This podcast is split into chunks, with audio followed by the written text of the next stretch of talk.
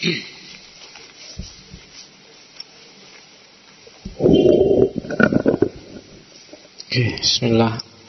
Assalamualaikum warahmatullahi wabarakatuh. Bismillahirrahmanirrahim. Alhamdulillahirabbil alamin. Wa bihi nasta'inu ala umuri dunya waddin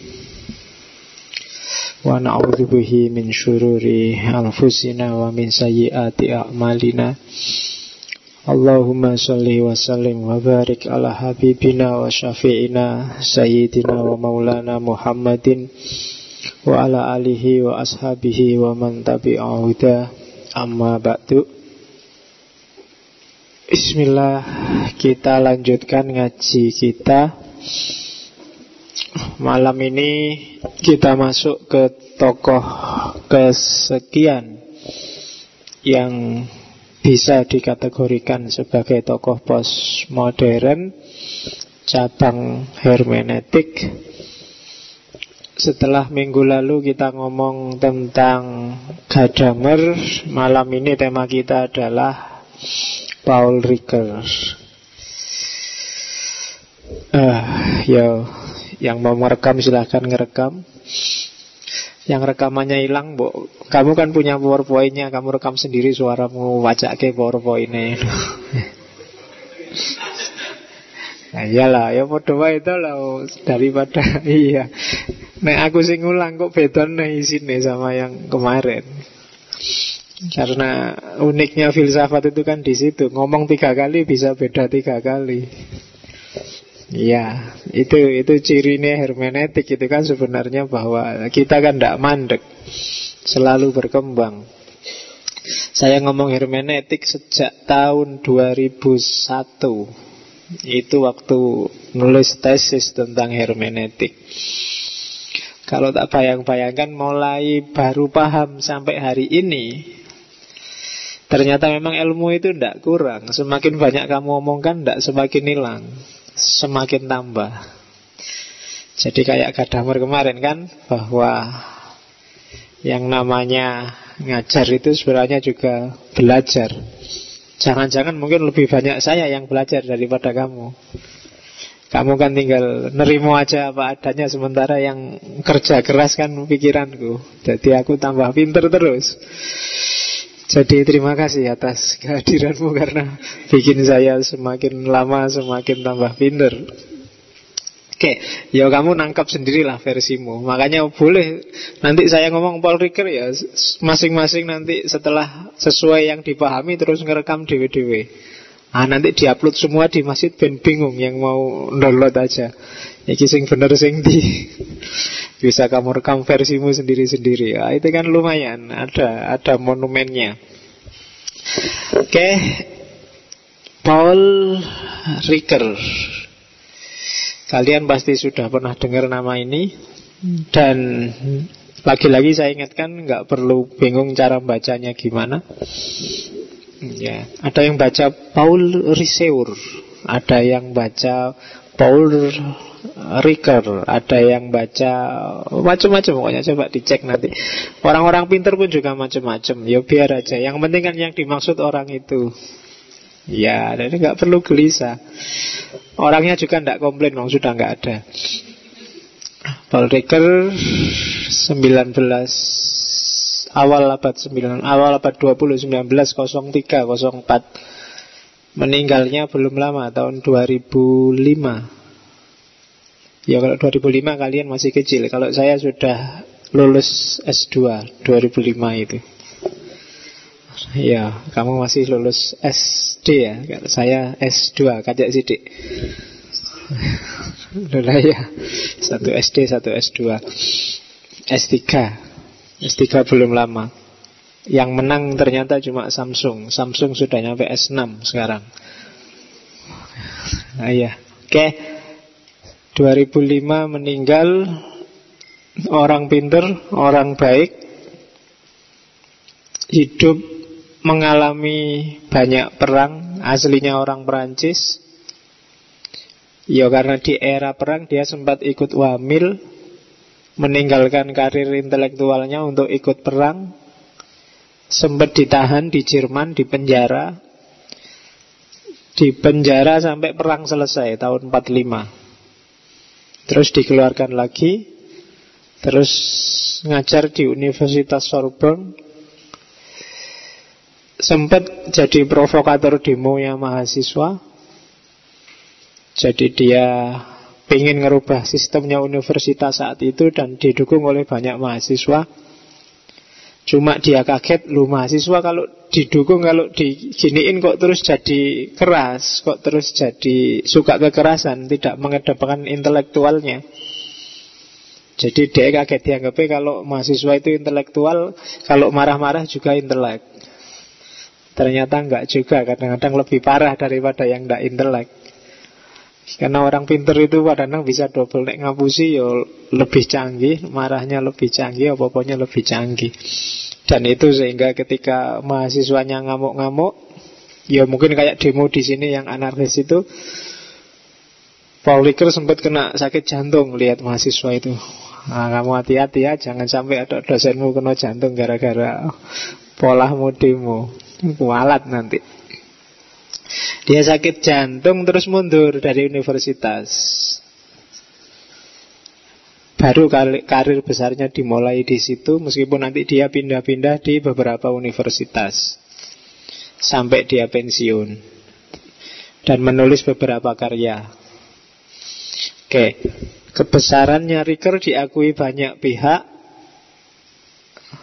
ini yang dilakukan oleh Riker Sehingga dia dianggap salah satu tokoh alternatif Dalam tradisi hermeneutik. Hermeneutik itu kan sering dikotomis Antara yang objektif sama subjektif. Dan Paul Ricoeur menggabungkan semuanya. Jadi dia menggabungkan hermeneutika romantik dan hermeneutika filosofis Ya romantik yang banyak dia singgung-singgung Emilio Betti ya ya filosofisnya ya Gadamer yang mewarisi Heidegger. Dia juga mengkombinasikan fenomenologi dan strukturalisme. Fenomenologi gaya Perancis dan struk eh fenomenologi gaya Jerman dan strukturalisme Perancis. Ya Jerman ya Husserl, Heidegger itu kan Jerman dengan tradisi fenomenologinya. Kalau yang strukturalisme kenal Ferdinand de Saussure, kenal Levi Strauss. Yang satu strukturalisme linguistik, yang satu strukturalisme antropologis. Pada saatnya mungkin kita akan ngomong strukturalisme. Saya lupa, mungkin yang fenomenologi sudah apa belum? Kelihatannya sudah. Eksistensialisme sudah, fenomenologi susah, strukturalisme yang belum. Sebenarnya ini sudah era post-struktural. Tapi ya, tidak ada salahnya nanti kita ulang, kita ngomong strukturalisme. Karena untuk bisa pos itu ya kan kita harus melewati dulu yang sebelum pos. Untuk bisa pos tradisionalisme kita harus tradisional dulu. Tidak boleh bilang pos sebelum melewati yang sebelum pos. Jadi itu kan bahasanya melampaui bukan meloncati. Melampaui itu ya dilewati tapi nggak cuma itu ya kita terus. Nah, itu namanya melampaui. Postmodern juga gitu. Kalau belum modern ya jangan bilang kita sudah postmodern. Modernnya aja belum. Sudah ngaku-ngaku postmodern. Ada lagi neo-modern. Nah, ini kan aneh lagi itu. Orientalisme ada neo-orientalisme, ada post-orientalisme. Kalau neo itu biasanya Isinya baru cuma Eh isinya isi lama cuma kemasan baru. Kalau pos itu biasanya Yang lama itu jadi pijakan untuk bikin yang baru.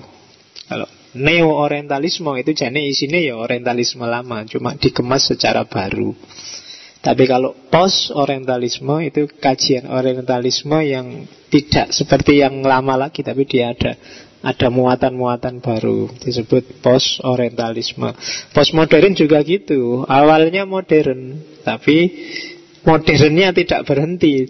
Dilanjutkan lagi nalar modernnya. Kalau neo modern, ya itu yang nalar modern yang dulu cuma dikemas secara baru gitu aja. Nah itu istilah-istilah dunia filsafat, jangan kaget. Apa besok ada Pak post postmodern? Ya ada aja, kenapa enggak? Dan sangat mungkin ada Ya entah kayak apa nanti besok Itu kan Kalau kayak bahasanya Ibnu Khaldun kan Dunia ini kan muter aja siklus Mbok anggap yang posmo yang kayak gini nih Yang menghargai narasi-narasi kecil Menghargai pandangan-pandangan lokal. Itu zaman dulu juga sudah ada. Banyak pikiran-pikiran kayak gitu. Pluralisme lokalisme globalisme sejak dulu juga sudah ada. Misalnya isu pan islamisme itu kan sebenarnya logika global yang dipakai. Ada juga yang lokal wisdom itu logika lokal. Jadi tidak ada yang baru di muka bumi ini. Itu kalau ikut teorinya Ibnu Khaldun semuanya cuma ngulang aja Kemasannya aja yang baru. Mungkin model neo atau model pos. Tapi tidak ada sama sekali baru. Orang model kamu juga banyak Yang model saya juga banyak. Jadi makanya tidak usah gaya Tidak usah sombong. Tandinganmu akeh Yang lebih dari kamu lebih banyak lagi. Yang kurang dari kamu juga ada. Nah, Makanya semakin orang luas wawasannya Biasanya semakin Iya semakin menunduk dia. Ha ternyata Aku ini tidak ada apa-apanya kan gitu. Oke, tapi semakin dia sempit Semakin biasanya merasa besar. Kenapa? Ya? Sempit itu kan berarti kurungannya sempit. Kalau kurungannya sempit kecil ya dia merasa besar. Tapi semakin pikirannya luas Kurungannya semakin besar. Maka dia akan merasa Oh ternyata aku sekecil ini. Oke, bismillah. Itu pengantarnya untuk Riker Saya nggak jelaskan ini satu-satu kayak gimana. Yang pertama itu Yang kedua saya juga tidak akan menjelajahi semua pikiran-pikirannya Paul Riker Mungkin di sini tak ambil aspek hermeneutiknya saja. Karena nanti ada ada yang khas dari Riker Misalnya etikanya. Namanya etika naratif. Termasuk gimana cara memahami mitos dan seterusnya. Next time kalau ada waktu. Mungkin ketika ngomong filsafat manusia kita akan ulang lagi Riker tapi tidak di bagian hermeneutiknya. Meskipun ya hermeneutik jadi landasannya Cuma kita ngomong landasannya dulu untuk malam ini.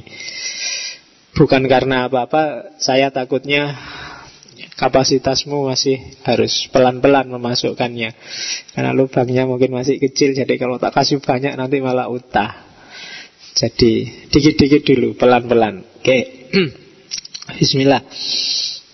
Yang pertama hermeneutiknya Riker itu kadang dan sering disebut hermeneutika fenomenologis atau fenomenologinya Riker itu sering juga disebut fenomenologi yang hermeneutis. Jadi bolak-balik.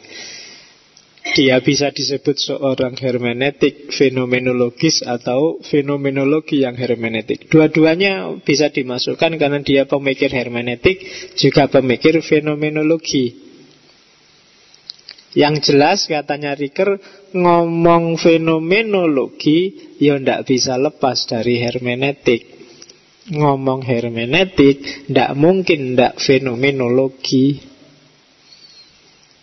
Ya kan? Hermeneutik itu kan ilmu, teknik, seni memahami. Dan fenomenologi itu kan juga semacam metode, semacam pendekatan menghadapi realitas yang meminimalkan subjektivitas. Dua-duanya sama-sama memahami. Kalau kita ingin memahami realitas, menginterpretasi realitas, ya kalau ada kata-kata menginterpretasi kan otomatis ada hubungannya dengan hermeneutik. Kalau kita ngomong hermeneutik, salah satu fase yang harus dilewati adalah fase fenomenologis. Fase ketika kita ngomong makna asli, makna sejati, hakikatnya apa sih? Itu kan fenomenologi. Makanya yang nulis skripsi biasanya sama dosennya kalau pertanyaannya hakikat, pendekatannya disuruh fenomenologi. Karena fenomenologi memang bahas itu. Pendekatan filosofis itu di sisi operatifnya untuk mengejar hakikat, metodenya biasanya yang disarankan adalah fenomenologi. Oke, yo nanti diulang lagi rekamannya apa itu fenomenologi ketika kemarin ada Edmund Husserl. Ya kan?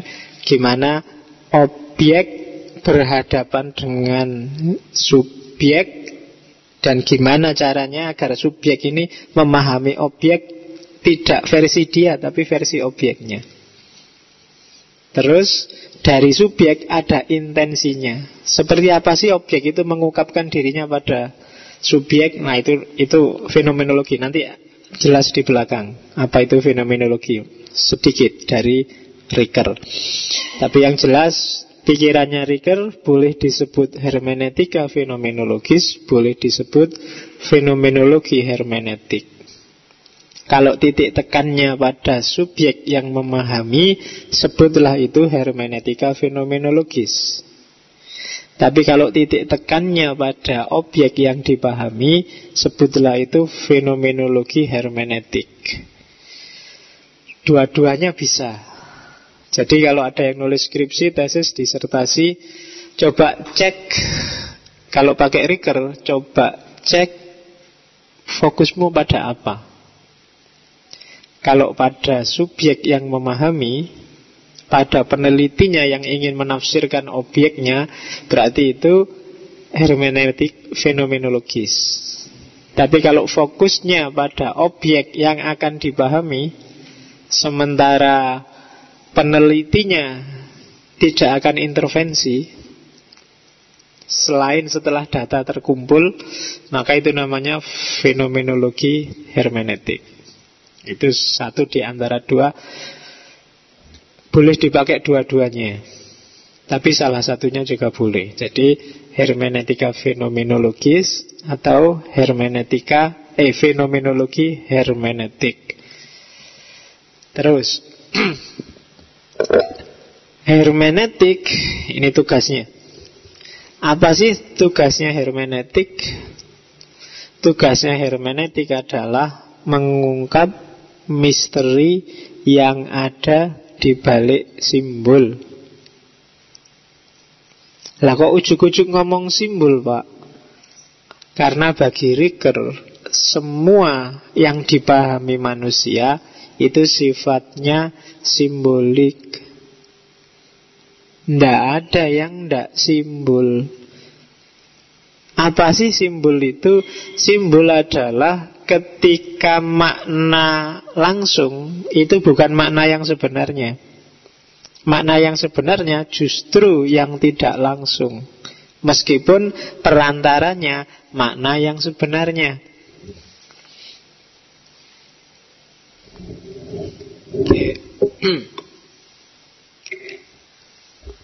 Contohnya teh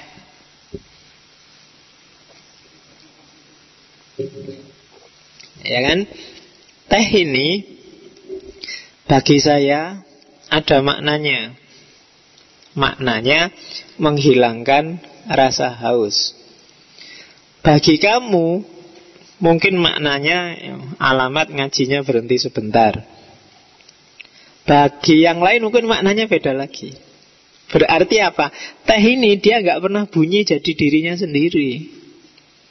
Dia selalu ditempeli makna oleh yang baca. Gitu loh.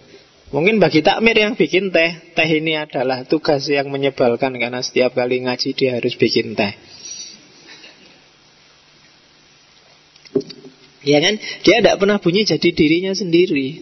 Dia selalu dibunyikan oleh orang yang memahaminya sesuai persepsinya. Makanya memahami semuanya selalu sifatnya simbolik. Tidak pernah ngomong benda itu hujan itu ya hujan. Tapi kan setiap kepala membunyikan hujan secara beda-beda. Sesuai isi kepalanya yang mau berangkat ngaji. Waduh hujan. Dahlah tidak usah berangkat hujan-hujan ngapain sih Kan sudah niat, sudah ada pahalanya satu aman Yo ada yang gitu ada yang ah nggak jadi ngaji, ada yang alhamdulillah hujan, ada alasan nggak masuk. Ada yang lu macam-macam. Hujan ada yang anggapnya musibah, ada yang anggapnya berkah, ada yang anggapnya lo hujannya sekedar hujan, tapi dia dibunyikan secara berbeda oleh banyak kepala. Itu yang disebut simbolik. Dan hermeneutik itu ingin mengungkap ini. Mengungkap misteri di balik simbol. Jadi objeknya bisa sama, tapi manusia menempeli makna secara macam-macam, secara beda-beda. Dan itu tugasnya hermeneutik. Jadi di Paul Ricoeur manusia lebih dominan animal simbolikum. Animal simbolikum itu binatang yang bermain-main dengan simbol setiap hari, setiap langkah. Bahkan kamu berpikir itu kan sebenarnya selalu aktivitas memaknai, aktivitas simbolik. Tidak pernah nggak simbol. Oke, kamu naik ke sini sandalnya dilepas, itu kan juga pemahaman simbolik. Emangnya nggak bisa sandalnya dibawa ke sini terus kalau sudah kotor kan dipel kan bisa, kalau bisa kan? Tapi kan kenapa? Karena kamu maknai masjid ini kan sakral. Janjane kan tegelnya keramiknya sama aja kan dengan keramik di kantormu, keramik di kamarmu, keramik di kampus kan bodoh Tapi kalau di kampus kan kamu nggak nyopot sandal. Kenapa? Karena dia nggak kamu maknai sebagai sakral. Jadi sakral tidak sakral itu makna, tidak ada pada barangnya. Kamu takut pada Allah yang tidak percaya Allah, tidak takut pada Allah. Kenapa? Pemaknaannya beda. Nah, itu urusan pemaknaan. Isi kepala bahkan Allah pun ya setiap kepala kan memahaminya beda-beda. Meresepsinya beda-beda. Saya ngomong gini karena tadi ada ada teman yang agak keras cara mikirnya di Facebook itu kan marah-marah karena ada tulisan saya, ada kalimat Allahnya, cuma lupa nggak tak kasih SWT. Karena bagi dia nulis Allah itu harus selalu ada subhanahu wa ta'ala Ya subhanahu wa ta'ala. Kalau nggak kayak gitu Itu berarti tasabuh Niru-niru Jangan-jangan sama kayak orang Kristen nulis Allah kan gitu. Yo wis Yo yang penting sing waras ngalah kalau saya kan. Diajak rame ya susah. Cuma tak tunjukkan Saya itu cuma ikut Quran Karena tak lihat ada kata-kata Allah di Al-Quran itu tidak ada yang belakangnya Allah subhanahu wa ta'ala Nah, di hadis juga tak cari-cari nggak ketemu Jadi saya takut bid'ah Makanya nggak tak tulis SWT-nya Oke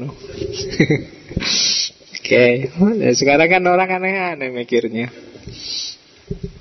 Oke okay, ya Itu termasuk jenis berpikir simbolik juga kan. Cara berpikir. Orang menempeli makna secara macam-macam dan berbeda Sesuai konteksnya masing-masing. Dia melihatnya dari aspek Jangan-jangan kita podo sama orang Kristen. Allah ditulisan kan sama-sama. Ya kalau diucapkan sana Allah sini Allah. Itu kan cuma urusan dialek aja. Intinya kan sama Maka dia takut dianggap sama Maka harus ada SWT-nya Atau jangan-jangan ada yang susah lagi yang SWT-nya nggak boleh disingkat. Ada loh kayak gitu. Dan nggak boleh ditulis Indonesia ditulis Arab. Makanya banyak buku itu yang Shallallahu Alaihi Wasallam pakai itu yang pakai kayak Arab itu kan. Saya ada yang buku kayak gitu. Meskipun ada juga yang temen mau kayak gitu tapi terus jadi lucu karena begitu nulis Waalaikumsalam. Nulisnya pakai Arab juga ya nulisnya Waalaikumsalam. Kelihatan kalau nggak ngerti bahasa Arab karena waalaikumsalam itu harusnya kan nulisnya waalaikumus salam. Harus nakiroh ada alnya. Cuma karena tidak ngerti bahasa Arab Sing penting pokoknya Arab Bunyinya jadi waalaikumsalam. Oke ya Ya masyarakat kan itu problem real Kadang-kadang nanyanya juga nggak nyambung. Saya susah jawab kalau pertanyaan fikih yang detail-detail. Pengajian ibu-ibu tanya, Pak, kalau bukan waalaikumsalam, pokoknya jawabnya kumsalam gitu aja. Boleh enggak, Pak? Susah kan jawabnya. Pokoknya Assalamualaikum. Kumsalam Wah itu boleh nggak jawabnya Pak? Wah itu Kamu harus siap dengan pertanyaan itu. Itu problem real di masyarakat. Nggak mungkin kan ibu-ibu tanya Paul Ricker apa Gadamer Jadi yang ditanyakan itu Kamu harus siap wong intelektual ya. Oke Ya, sejauh itulah cara berpikir simboliknya mereka. Oke, jadi hermeneutik adalah disiplin yang tugasnya menyingkap makna di balik simbol. Simbol adalah struktur tanda, struktur penandaan yang makna langsung, makna literernya tidak menunjukkan makna yang sebenarnya, tapi justru makna yang sebenarnya adalah makna yang tidak langsung. Dan ini representasi simbolik yang paling sering ditemui manusia adalah kata-kata bahasa. Kata-kata pun itu juga karakternya simbolik. Jadi kalau di Paul Ricker apa pun jenis meskipun kata-kata yang tegas jelas itu juga sifatnya simbolik. Undang-undang pun sifatnya simbolik. Simbol itu berarti ya kayak tadi. Orang memaknai tergantung kecenderungan, tergantung persepsi, tergantung pemahamannya masing-masing. Kalau saya ngomong undang-undang dasar negara eh, tahun 1945 itu kan Ya mungkin kamu memahami itu hukum di Indonesia. Tapi mungkin teman-teman yang kelompok keras memahaminya Wah oh, itu tauhid yang dibikin oleh ya kan mesti gitu. Barangnya sama tapi cara memahaminya beda-beda. Kata-kata juga begitu Setiap orang membentuk pola makna sendiri terhadap kata Nah itulah nanti yang di Paul Ricker disebut teks Eh disebut polisemi Polis, poli itu banyak, semi itu tanda. Jadi kata-kata itu sifatnya polisemik. Dia menyimpan banyak sekali konotasi. Maknanya banyak. Misalnya kata-kata pohon. Biasanya di buku contohnya pakai kata pohon. Pohon itu maknanya bagi tukang kayu dengan bagi kamu yang kehujanan dengan bagi apa nih artis India yang sedang syuting itu maknanya beda-beda tukang kayu lihat pohon yang muncul di pikirannya wah ini kira-kira dijadiin dipan apa kursi apa meja bagus ini kan gitu kalau kamu yang kehujanan nyari pohon wah ini mana pohon yang baik buat cetul biar nggak kehujanan tapi artis India begitu lihat pohon, uh pohon ini indah sekali, wah langsung muter-muter gue nyanyi. ya kan?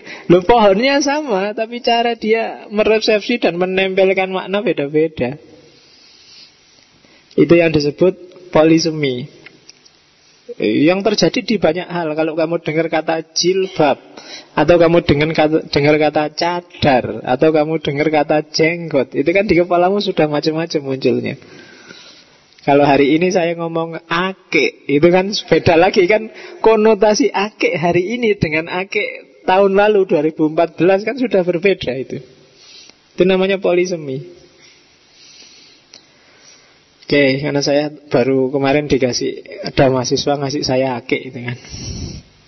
Neng aku ya orang ngerti yo. Sayangnya satu kegedean. Jadi nggak tak pakai. Oke, sekarang mungkin 2015 besok akan dikenal sebagai tahun akik. Karena orang ribut dengan akik. Oke. Asal jangan tahu nano ya. Sekarang kan yang lagi rame itu akik sama begal. Entah begalnya di jalan atau begalnya di BRD. Ah, itu polisemi. Coba rasakan istilah begal dulu dengan begal sekarang. Rasakan istilah akik dulu dengan akik sekarang. Oke, filsafat konotasi dulu dengan konotasi sekarang. Atau konotasi di kepala orang yang tidak ngerti filsafat di kepala orang yang benci filsafat. Masjid juga begitu. Jenggot juga begitu.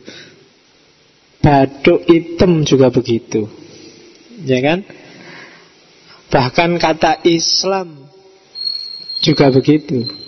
Itu namanya polisemi. Jadi ternyata pluralitas makna itu dimulai sejak kata-kata. Setiap kata dia dibalik itu menyimpan banyak kemungkinan makna. Dan siapa yang mengaktualkan kemungkinan-kemungkinan itu? Ya orang yang pakai. sesuai konteksnya masing-masing. Oke, jadi dari sini ada tiga hal yang perlu digarisbawahi. Yang pertama tentang simbol, yang kedua tentang disiplin hermeneutik yang mengungkap makna di balik simbol, dan yang ketiga tentang polisemi, keragaman makna di balik kata-kata. Nah, kata-kata plus makna plus keragamannya itulah nanti yang disebut teks. Yang nanti teks itu dalam Paul Ricoeur bentuknya adalah wacana. Nanti kita lihat di belakang. Oke. Yang ketiga sebelum masuk ke hermeneutik, kita lihat asumsi-asumsinya. Kenapa sih interpretasi, kenapa hermeneutik itu penting? Yang pertama, karena pemahaman manusia itu tidak sesederhana, sesimpel logika satu tambah satu dua. Nanti di teori antropologinya Paul Ricoeur dia menyebut istilah tension ketegangan. Mungkin kalian pernah sering lihat baca buku hermeneutik yang pakai istilah tension. Tension itu dua hal yang berbeda yang ketemu yang tabrakan. Itu yang disebut dialektika. Katanya Riker itu, hidup ini adalah dialektika. Selalu ketegangan. Misalnya antara kesengajaan dan tidak sengajaan, antara kebebasan dan keniscayaan, antara pikiran dan tubuh, antara itu kan selalu kita mengalami ketegangan demi ketegangan. Misalnya pikiran dan tubuh, pikiran mau apa, tubuhnya nggak mendukung. Atau antara kebebasan dan keniscayaan. Kamu bebas kok kalau mau ke luar negeri, tapi ya pakai uangnya siapa pak Maka akhirnya kamu nggak jadi berangkat Itu kan tension namanya ketegangan Saya pak Pinginnya lulus kumlot pak Tapi otaknya nggak nyampe Loh itu kan ketegangan lagi Hidupmu selalu dalam ketegangan sebenarnya. Saya itu pak pinginnya ngaji filsafat langsung ngerti apa-apa filsafat langsung anu. Tapi sampai hari ini belum ngerti juga. Itu kan ada ketegangan berarti ada tension. Iya, makanya nanti ada beberapa tokoh hermeneutik muslim yang harusnya ketegangan itu melahirkan teori baru, melahirkan konsep baru. Itu yang disebut creative tension. Ketegangan tapi kreatif. Dari ketegangan itu lahir kreasi-kreasi baru. Itu namanya creative tension. Dari ketegangan saya pinginnya ke luar negeri. Tapi kok tidak ada yang bayari ya Itu kan ketegangan Dari situ mungkin melahirkan kreasi baru Gimana caranya tetap ke luar negeri Meskipun nggak ada yang bayari ah, tahu gimana Apa gandol pesawat apa. Tapi melahirkan inovasi baru Itu kreatif tension Kalau tidak ada ketegangan Tidak akan lahir inovasi. Orang ingin terbang Tapi tidak ada sayapnya Tidak bisa kayak burung. Maka lahir pesawat, ingin nyebrang laut, renang tidak kuat, laut seluas itu, lahir kapal. Jadi itu kalau secara sosial kan itu yang disebut konflik kan, cuma secara individu itu disebut tension, ketegangan. Jadi kamu jangan gelisah kalau ada ketegangan, kalau harapan dan realitas nggak nyambung, kalau kamu galau karena karepmu ternyata tidak keturutan, itu tension. Dan itu memang fitrahnya manusia. Jadi setiap orang itu hakikatnya selalu berada dalam ketegangan. Dia berhadapan dengan realitas yang diinginkan dan yang tidak diinginkan. Oke. Jadi itu yang pertama. Inilah nanti yang bikin pemahaman itu unik. Gitu loh. Realitasnya sama, tapi tensionnya beda. Dari mana sih tension itu? Ya tension itu kan pertentangan-pertentangan antara dirimu dengan lingkungan sekelilingmu, antara dirimu dengan dirimu sendiri itu tension. Jadi karakter pertama hidup itu adalah ketegangan. Nah, ketegangan ini nanti filsafat kehendaknya Ricker. Cuma saya singgung sedikit aja. Dalam ketegangan itu biasanya lahir kehendak. Ya kan? Kehendak itu manifestasinya tiga.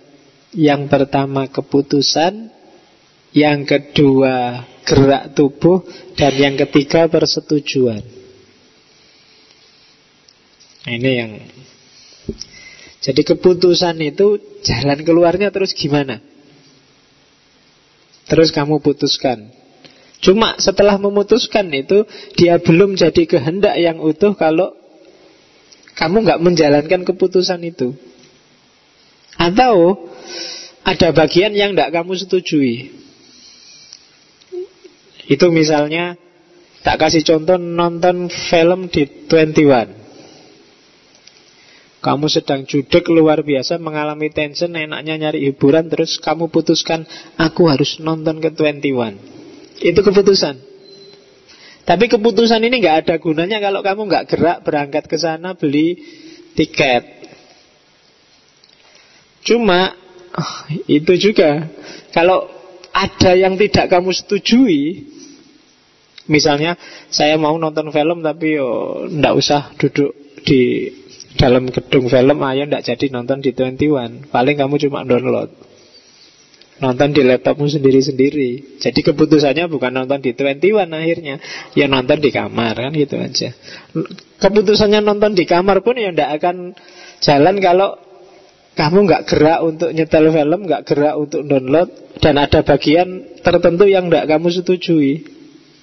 Ya entah apa itu misalnya saya tidak setuju kalau pakai listrik lama-lama misalnya ya tidak jalan sudah. Jadi kehendak itu baru berwujud kesadaran belum kehendak murni kalau dia tidak ada keputusan, tidak ada gerak tubuh, tidak ada persetujuan. Kalau kamu tidak berangkat ke 21, tidak bawa karcis, tidak bawa uang untuk beli karcis ya itu baru kesadaran yang belum jadi kehendak. Itu filsafat kehendak dalam Riker. Dari mana kehendak itu muncul? Dari ketegangan. Orang yang tidak ada ketegangan dalam dirinya biasanya cenderung males. Tidak ngapa-ngapain. Kenapa? Karena tidak bisa melahirkan kehendak. Karepmu apa tidak metu. Makanya sejak kecil kan kamu dilatih disuruh punya cita-cita. Meskipun nggak tercapai, tapi kamu jalan kalau punya cita-cita. Kalau nggak punya cita-cita, ya mandet. Makanya sekarang kalau kamu sedang tidak punya cita-cita, bikin aja cita-cita. Tidak apa-apa wis. Meskipun nggak realistis, realistis tidak apa-apa. Tapi kamu bisa jalan. Kenapa? Karena punya tujuan. Kalau nggak punya tujuan ya tidak mungkin kamu jalan kan. Boleh kamu sekarang Pak, saya cita-citanya Pingin jadi general manager di perusahaan internasional. Usur apa-apa. Meskipun agak khayal dikit Tapi kan tidak apa-apa. Kamu punya target Sehingga kamu bisa jalan ke sana. Tapi kalau tidak punya apa Targetmu apa mas Kira-kira setahun dua tahun ini? Ah saya mengalir aja pak. Ya selesai mengalir aja ya. Mengalirnya ke mana kamu tidak tahu ya alamat itu kan berarti. Pokoknya kuliah sak sak pak sementing kiriman masih lancar. Ya sudah kalau nggak ada tension kalimat itu kan menunjukkan dalam dirimu tidak ada tension. Ketika tidak ada tension tidak akan ada kehendak. Kalau tidak ada kehendak ya tidak akan ada hasil. Ah itu ketegangan dan kehendak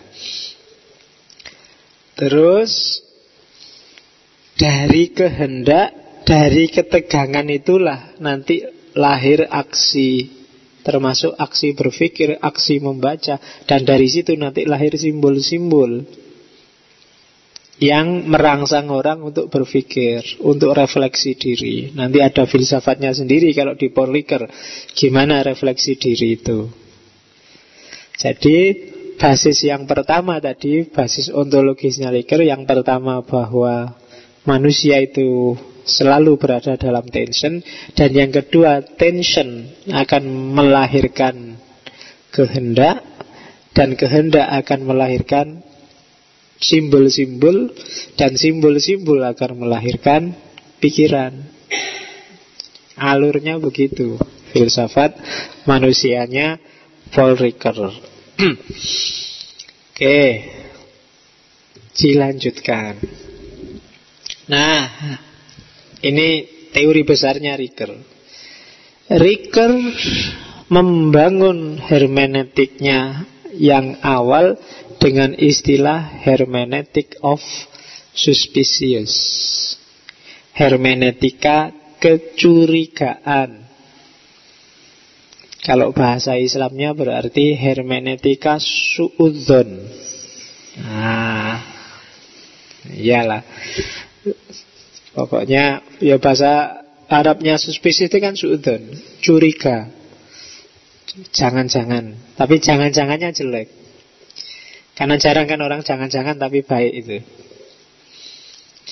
Kalau kamu punya pacar Malam minggu kok jalan sama cowok lain. Itu kan jangan-jangan Kan gak pernah baik kan?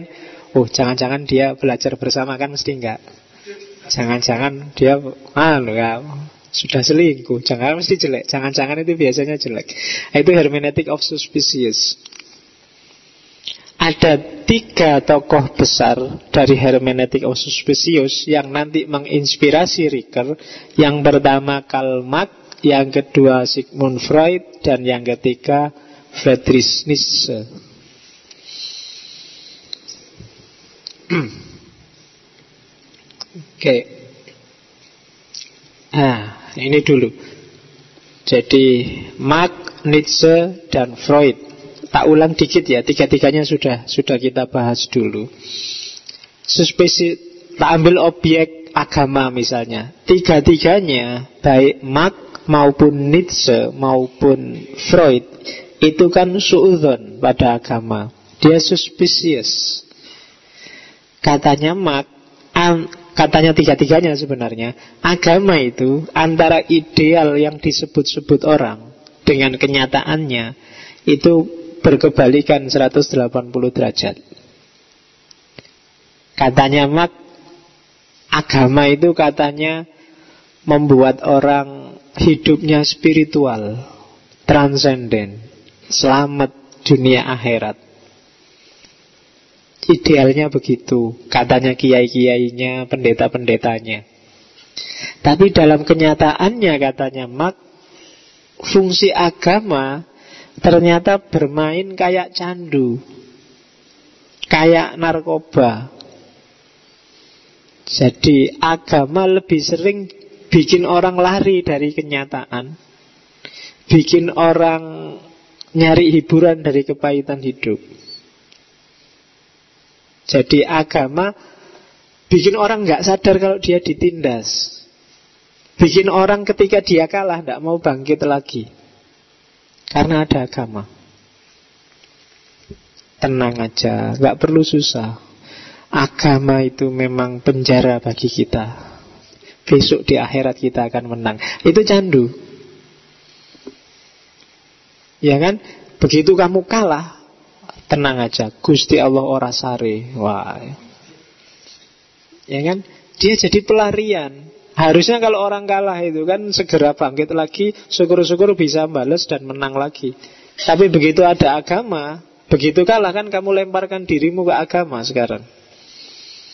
Ah, sudahlah, ndak apa-apa. Kalah di dunia aja. Ndak penting. Besok di akhirat lebih penting. Ya sudah, kamu ndak bangkit lagi. Agama jadi candu. Dalam realitasnya begitu. Itu kan yang terus bagi banyak orang dianggap nyawa berarti makini anti Tuhan dia, anti agama. Sebenarnya yang diserang mak bukan Tuhan dan agamanya, tapi caramu beragama itu loh. Kok begitu? Agama kamu posisikan sebagai sesuatu yang bikin kamu terlena, lupa dengan penderitaanmu. Kayak narkoba, bikin kamu fly dan melupakan realitas. Ah itu hermeneutic of suspiciousnya Mark. Dia suudzon, dia curiga. Jangan-jangan kok tak lihat orang beragama selalu begitu gayanya. Nah, asumsinya mak ini disempurnakan oleh Nietzsche. Katanya Nietzsche, ya idealnya saya dengar-dengar katanya tokoh-tokoh agama, agama itu untuk menguatkan yang lemah. Untuk bikin yang lemah Bikin orang bertanggung jawab pada hidupnya Bikin orang terbebas dari kungkungan Tapi ternyata sering-sering agama adalah apa? Pengungsian. Agama adalah tempat perlindungan. Agama adalah tempat mencari suaka Dari orang-orang yang kalah. Orang-orang yang mentalnya budak. Orang-orang yang tidak berdaya. Mereka lari ke dalam agama dan menyembunyikan kelemahannya di balik isu-isu kesalehan, kerendah hatian, kesabaran, ketaatan. Itu kritiknya Nietzsche. Jadi orang beragama itu menjadikan agama sebagai tempat dia berlindung untuk menyembunyikan kelemahannya. Jadi seolah-olah saya itu sabar, rendah hati, kona'ah, tidak tergoda oleh dunia. Padahal memang tidak punya harta, tidak punya dunia. Memang miskin, tapi alasannya kemiskinan itu lebih dekat dengan surga. Ya wis. Itu kan sering kayak gitu agama kamu posisikan begitu. Ah nilai jelek tidak apa-apa asal diridhoi Allah. Tuh. Akhirnya begitu agama. Agama jadi pelarianmu, jadi tempatmu berlindung. Ketika kamu lemah, ketika kamu tidak berdaya, kamu lari ke agama. Sementara yang kaya, yang kuat, yang perkasa, yang menguasai, biasanya nggak terlalu butuh agama. Kayak kamu kan kalau lagi seneng-seneng, lagi jaya kan, yo is orang pati peduli sama Tuhan. Sholat juga formalitas. Tapi begitu lemah, begitu sumpek, wah sudah. Kamu tahajud, kamu sholat duha, kamu, ya kan, kelihatan kan pamrihnya kamu, ibadahmu kan semua orientasinya dunia. Coba kamu cek doamu itu. Mesti minta kekayaan, kesuksesan, minta selalu begitu orientasinya dunia. Jadi agama jadi shelter. Itu yang disebut oleh Nietzsche sebagai mentalitas budak. Nah, mental kita sebenarnya mental budak. Oke, dan Tuhan adalah yang memperbudak kita dalam tanda petik. Dalam perspektifnya Nietzsche dan keberagaman seperti ini yang diserang oleh Nietzsche itu suudzon Nietzsche pada agama. Yang ketiga Freud yang kita bahas kemarin. Kalau Freud sebenarnya sama kritiknya, cuma bagi Freud gesernya dikit. Agama itu adalah ilusi dari ilusi, harapan orang yang membutuhkan penolong, membutuhkan pahlawan, membutuhkan itu tadi. Kalau di Kristen Father God, inspirasinya kan dari kisah Oedipus itu, Oedipus kompleks. Tapi intinya dalam diri kita ada kerinduan, ada keinginan untuk harus ada sosok yang luar biasa, yang dahsyat. Karena kalau nggak ada ini hidup kita nggak bermakna. Maka lahirlah ilusi-ilusi tentang Tuhan Yang bikin kita tidak bertanggung jawab terhadap hidup kita sendiri Ah saya kayak gini itu kan sudah ditakdirkan oleh Tuhan Tuhan yang ngatur saya jelek sudah Tuhan yang ngatur Saya kalah itu sudah takdirnya Tuhan saya Jadi ada kekuatan super power yang nyetir kamu Dan itu sebenarnya kalau favorite itu Itu proyeksimu sendiri kok Itu ilusimu sendiri yang menggambarkan Tuhan kayak gitu karena kamu yang butuh yang kayak gitu. Kenapa? Untuk menutupi kelemahanmu. Wah, itu kritik dahsyat dari tiga orang tokoh hermeneutic of suspicious. Ya saya nggak perlu panjang lebar. Tiga orang ini nanti yang menginspirasi Paul Ricoeur. Jadi untuk memahami makna kita mungkin harus lewat pintu ini, pintu curiga. Banyak yang tidak setuju tiga orang itu Tapi bagi Paul Ricoeur ya tiga orang itu nggak sekedar destruktif kritiknya. Ya, istilah ini tak pakai di disertasi saya itu kan kritik destruktif karena memang dari Marx, dari Nietzsche, dari Freud. Tapi katanya Paul Ricoeur, ndak ini ndak sekedar kritik destruktif. Itulah seni. Seni penafsiran. Orang bisa mengungkap makna tersembunyi yang bahkan pelakunya sendiri nggak sadar loh. Orang beragamanya sendiri nggak ngerti. Tapi dengan seni memahami tertentu Tiga orang ini bisa mengungkap keberagamaan Bisa menelanjangi keberagamaan kita secara luar biasa. Dasarnya apa? Curiga. Ya lawannya suspicious kan faith Percaya.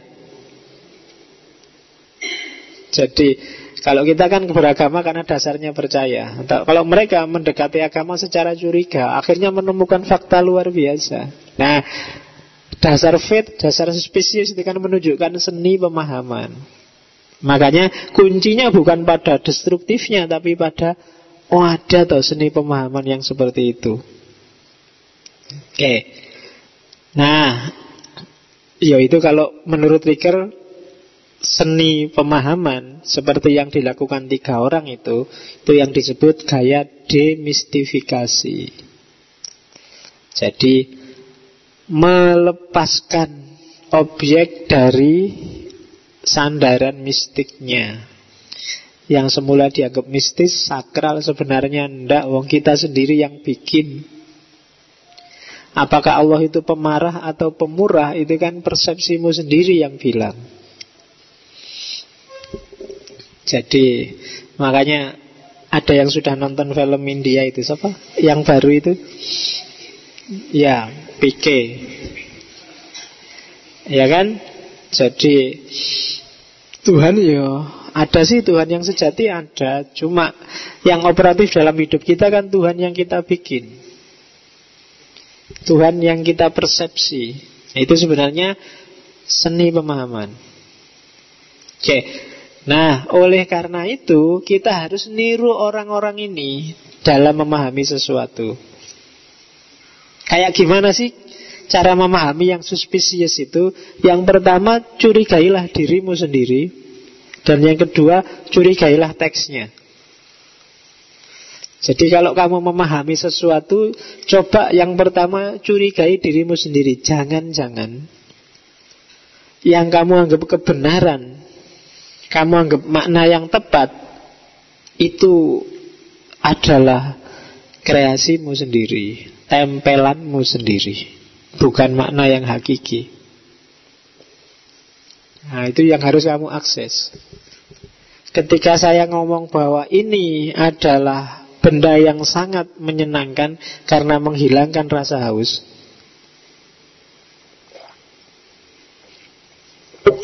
Sadarilah bahwa jangan-jangan makna bahwa teh ini sangat menyenangkan karena menghilangkan rasa haus hanya dari aku. Sementara bagi takmirnya ini adalah barang yang sangat melelahkan dan menyebalkan. Atau orang yang punya diabetes karena nggak boleh minum manis-manis, ini adalah penggoda yang meruntuhkan. Ya kan, menggodamu untuk harusnya nggak minum yang manis-manis tapi digoda oleh teh manis.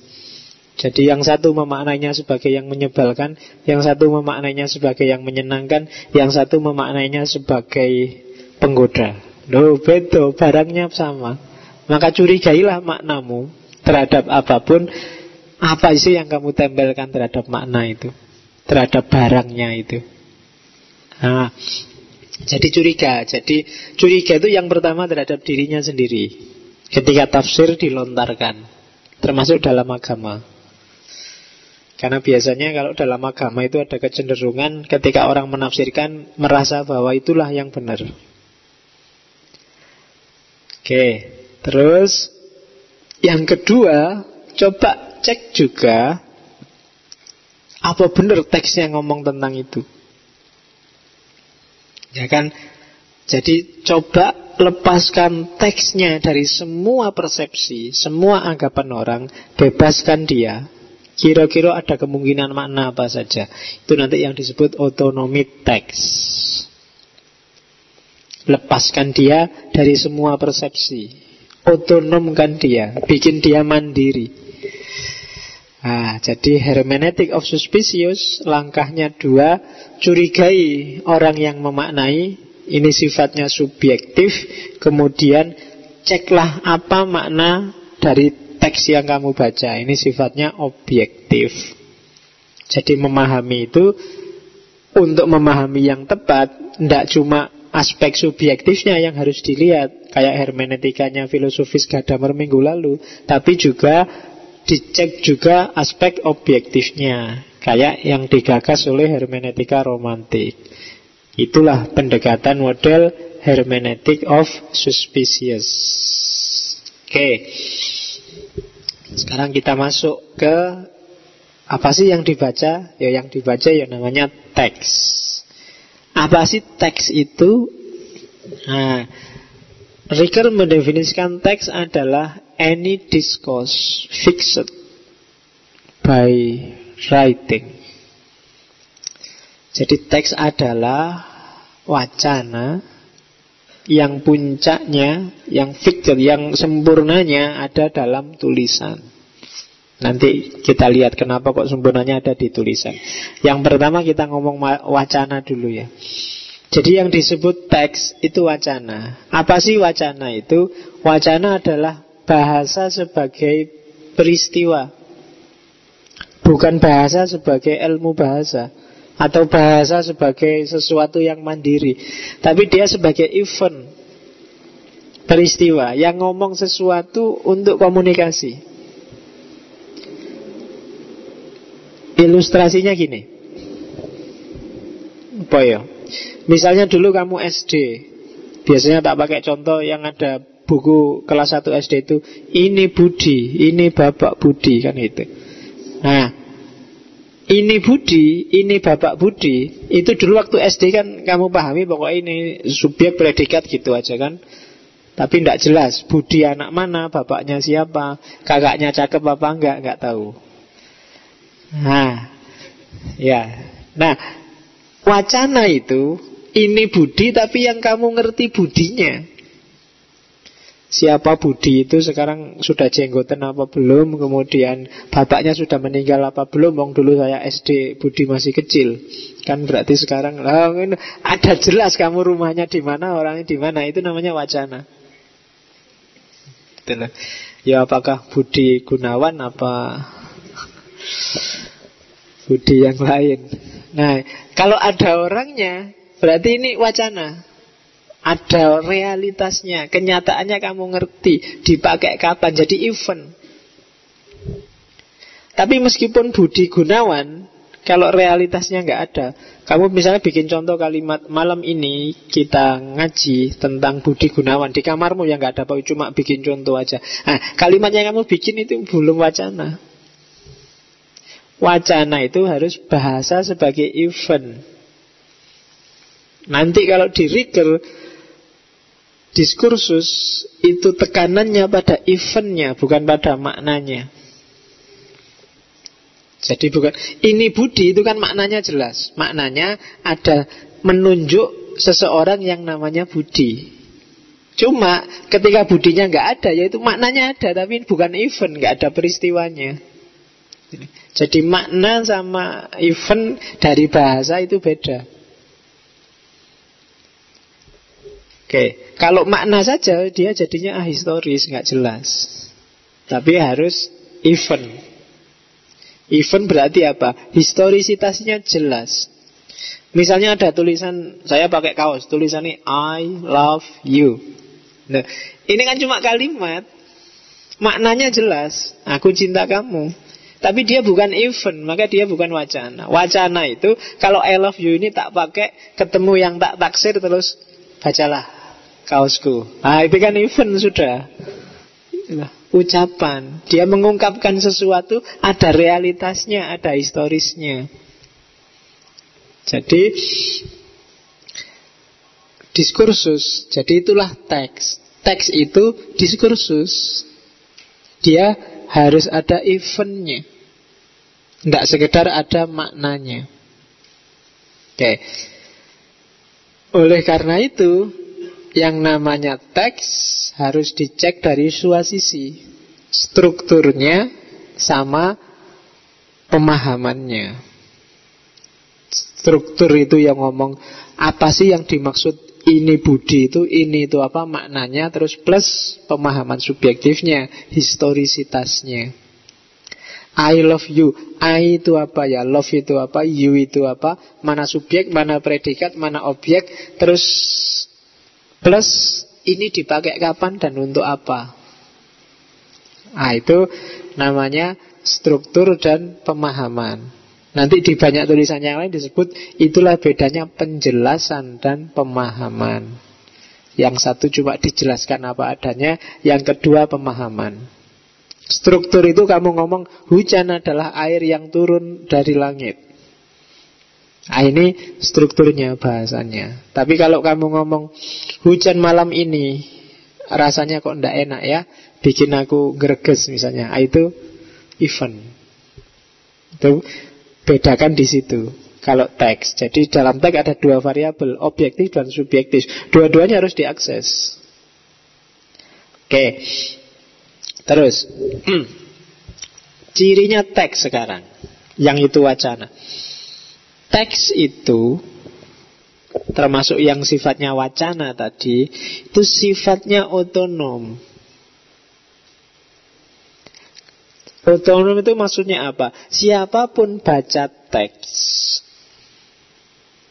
Itu dia bisa meresepsi Sesuai posisi kedudukan persepsinya dia Karena dia otonom Pengarang tidak bisa ngontrol Misalnya apa ya yang contoh paling gampang Misalnya kamu di kampus Mau duduk Eh temenmu ngajak guyon. Begitu kamu mau duduk, kursimu ditarik, seret. Terus kamu jatuh. Semula niatnya guyon loh, pengarangnya temenmu yang narik kursi itu tujuannya guyon. Tapi begitu dia melakukan narik kursi, temenmu jatuh, yang diajak guyon marah. Ya kan? Loh, dia bisa mem- Loh kok bisa Pak? Tadi kan mau saya guyon Kok dia marah? Loh, karena narik kursi itu Di balik narik kursi itu Ada makna guyon, ada makna marah Ada makna usil Dia menangkap makna versi marahnya Begitu kamu lakukan narik kursi Teks narik kursi itu sudah otonom Sudah Setiap orang bisa nangkep sendiri-sendiri Gitu loh Misalnya Begal Motor dipukuli orang sekampung dibakar. Di balik peristiwa pembakaran ini kan peristiwa yang otonom sudah. Teksnya jadi otonom, setiap kepala membunyikan sesuai yang dia tangkap. Ada yang bilang, yo ben, ben kapok. Ada yang bilang, kasihan lah, yo jangan sampai dibakar lah, dipukuli aja nggak apa-apa, misalnya. Loh kan ada yang gitu. Ada yang macam-macam loh. Kenapa kok nggak sama pemahamannya ya? Karena teks itu otonom. Kalau teks tulis misalnya, kamu baca buku saya misalnya, lah kok kamu memahaminya beda? Lo aku sudah nggak bisa ngontrol lagi tulisan. Begitu tak tulis, selesai sudah orang memahami gimana, aku kan nggak bisa ngontrol pikiranmu. Oleh karena itu, kalau di Riker, memahami teks itu bukan kita yang menuju teks, tapi teks yang masuk dalam diri kita. Teks yang menampilkan dirinya pada kita. Gitu loh. Teks perempuan cakep pakai rok mini, tampil di depan kita. Set. Itu kan teksnya masuk ke kita, bukan kita yang masuk ke teks. Teksnya masuk ke kita. Sementara kita kacamatanya kacamata Allah yang Maha Esa. Begitu teksnya masuk, astagfirullah kan gitu. Ya kan, dia menampilkan diri padamu sebagai sebuah dosa misalnya.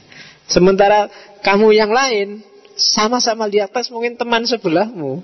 Teks perempuan cakep ini masuknya tidak sebagai dosa tapi sebagai rezeki. Alhamdulillah bisa lihat. Iya kan? Objeknya sama, tapi dia tampil di hadapan pembacanya secara berbeda. Maka prosesnya bukan pembaca yang datang ke teks. Kalau pembaca yang datang ke teks kan saya menuju ke situ, dia menuju ke situ, harusnya hasilnya sama. Tapi kebalik, objeknya yang masuk ke dalam pembaca. Objek yang diresepsi oleh pembaca itu nanti namanya hermeneutika resepsi. Resep itu kan menyerap. Jadi bagaimana objek diserap oleh yang baca, bagaimana teks diserap oleh yang baca, dan wajah apa yang ditampilkan oleh teks. Nah itu hermeneutika resepsi. Jadi bukan manusia yang menuju teks, tapi teks menuju manusia. Al bukan kita yang memahami Al-Quran, tapi Al-Quran tampil sebagai apa di depan kita. Itulah teks karakternya teks menurut Paul Ricoeur. Jadi makanya ada yang keras, Islamnya, ada yang moderat Islamnya, ada yang liberal Islamnya. Itu kenapa? Karena teks tampil di depan dia dengan wajah sesuai yang dia serap. Itulah. Ya, kamu aja lihat saya di sini kan penyerapanmu macam-macam. Ada yang anggap, wah, ustadznya kecil. Ada yang anggap, wah, ustadznya masih muda. Ada yang anggap, wah, macam-macam penyerapanmu. Kamu Aku tampil kayak gini sih Tapi bagimu tampilanku kayak gini Ini bermakna apa? Itu kan tergantung penangkapanmu Oke Jadi kalau ada yang tanya Misalnya di sini tak tulis ngaji filsafat itu penting tidak ya? Oh itu mesti tanggapannya beda-beda. Kenapa? Karena ngaji ini tampil dalam dirimu teks yang namanya ngaji ini tampil dalam dirimu secara beragam. Oke, terus Kenapa sih tadi saya ngomong Eh, Rikur ngomong bahwa puncaknya teks itu ada dalam tulisan? Karena pemahaman tulisan itulah yang lebih menggambarkan otonomi teks kalau ngomong itu relatif konteksnya bisa ditangkap antara orang ngomong. Tapi begitu dia tulisan itu yang lebih susah menangkapnya. Saya nulis tahun 2001 sekarang kamu baca itu kan sudah beda lagi konteksnya, beda lagi pemahamannya. Sementara yang versi oral ngomong itu kan konteksnya lebih mudah ditangkap. Misalnya di sini ada papan tulis terus tak kasih contoh tadi. Ayo kita kasih contoh kalimat I love you. Nah, itu kan kamu paham konteksnya. Karena saya sambil ngomong Sementara yang tidak paham konteksnya, di sini cuma tinggal papannya. Besok pagi ada tulisan I love you. Yang tidak paham belum. Ini ngaji di masjid kok ono tulisannya I love you gitu. Jangan-jangan ustadznya kan gitu. Kenapa? Dia tidak ngerti konteksnya. Maka problem tafsir itu fixnya, fixed in writing. Kebanyakan yang jadi problem dalam tulisan. Makanya nanti di antara keahliannya Riker itu untuk teks Bible, teks Injil, dan teks-teks klasik yang sifatnya tertulis. Kalau di Islam berarti untuk Al-Quran juga. Al-Quran itu kan dari masa lalu dibawa ke masa kini. Itu kan ada jarak. Kalau orang tidak pinter membacanya, bisa terjebak egoismenya sendiri atau terjebak historisisme cobaan masa lalu. Sehingga hidupnya hari ini jadi ahistoris. Oke, itu problem teks. Itu kenapa kalau di Ricker fix in writing Jadi kebanyakan problem muncul itu dalam tulisan. Sekarang kembali ke wacana. Nah, apa sih cirinya wacana? Kalau tadi kalian tanya, iya pak, nyambung sama realitas itu maksudnya gimana sih pak?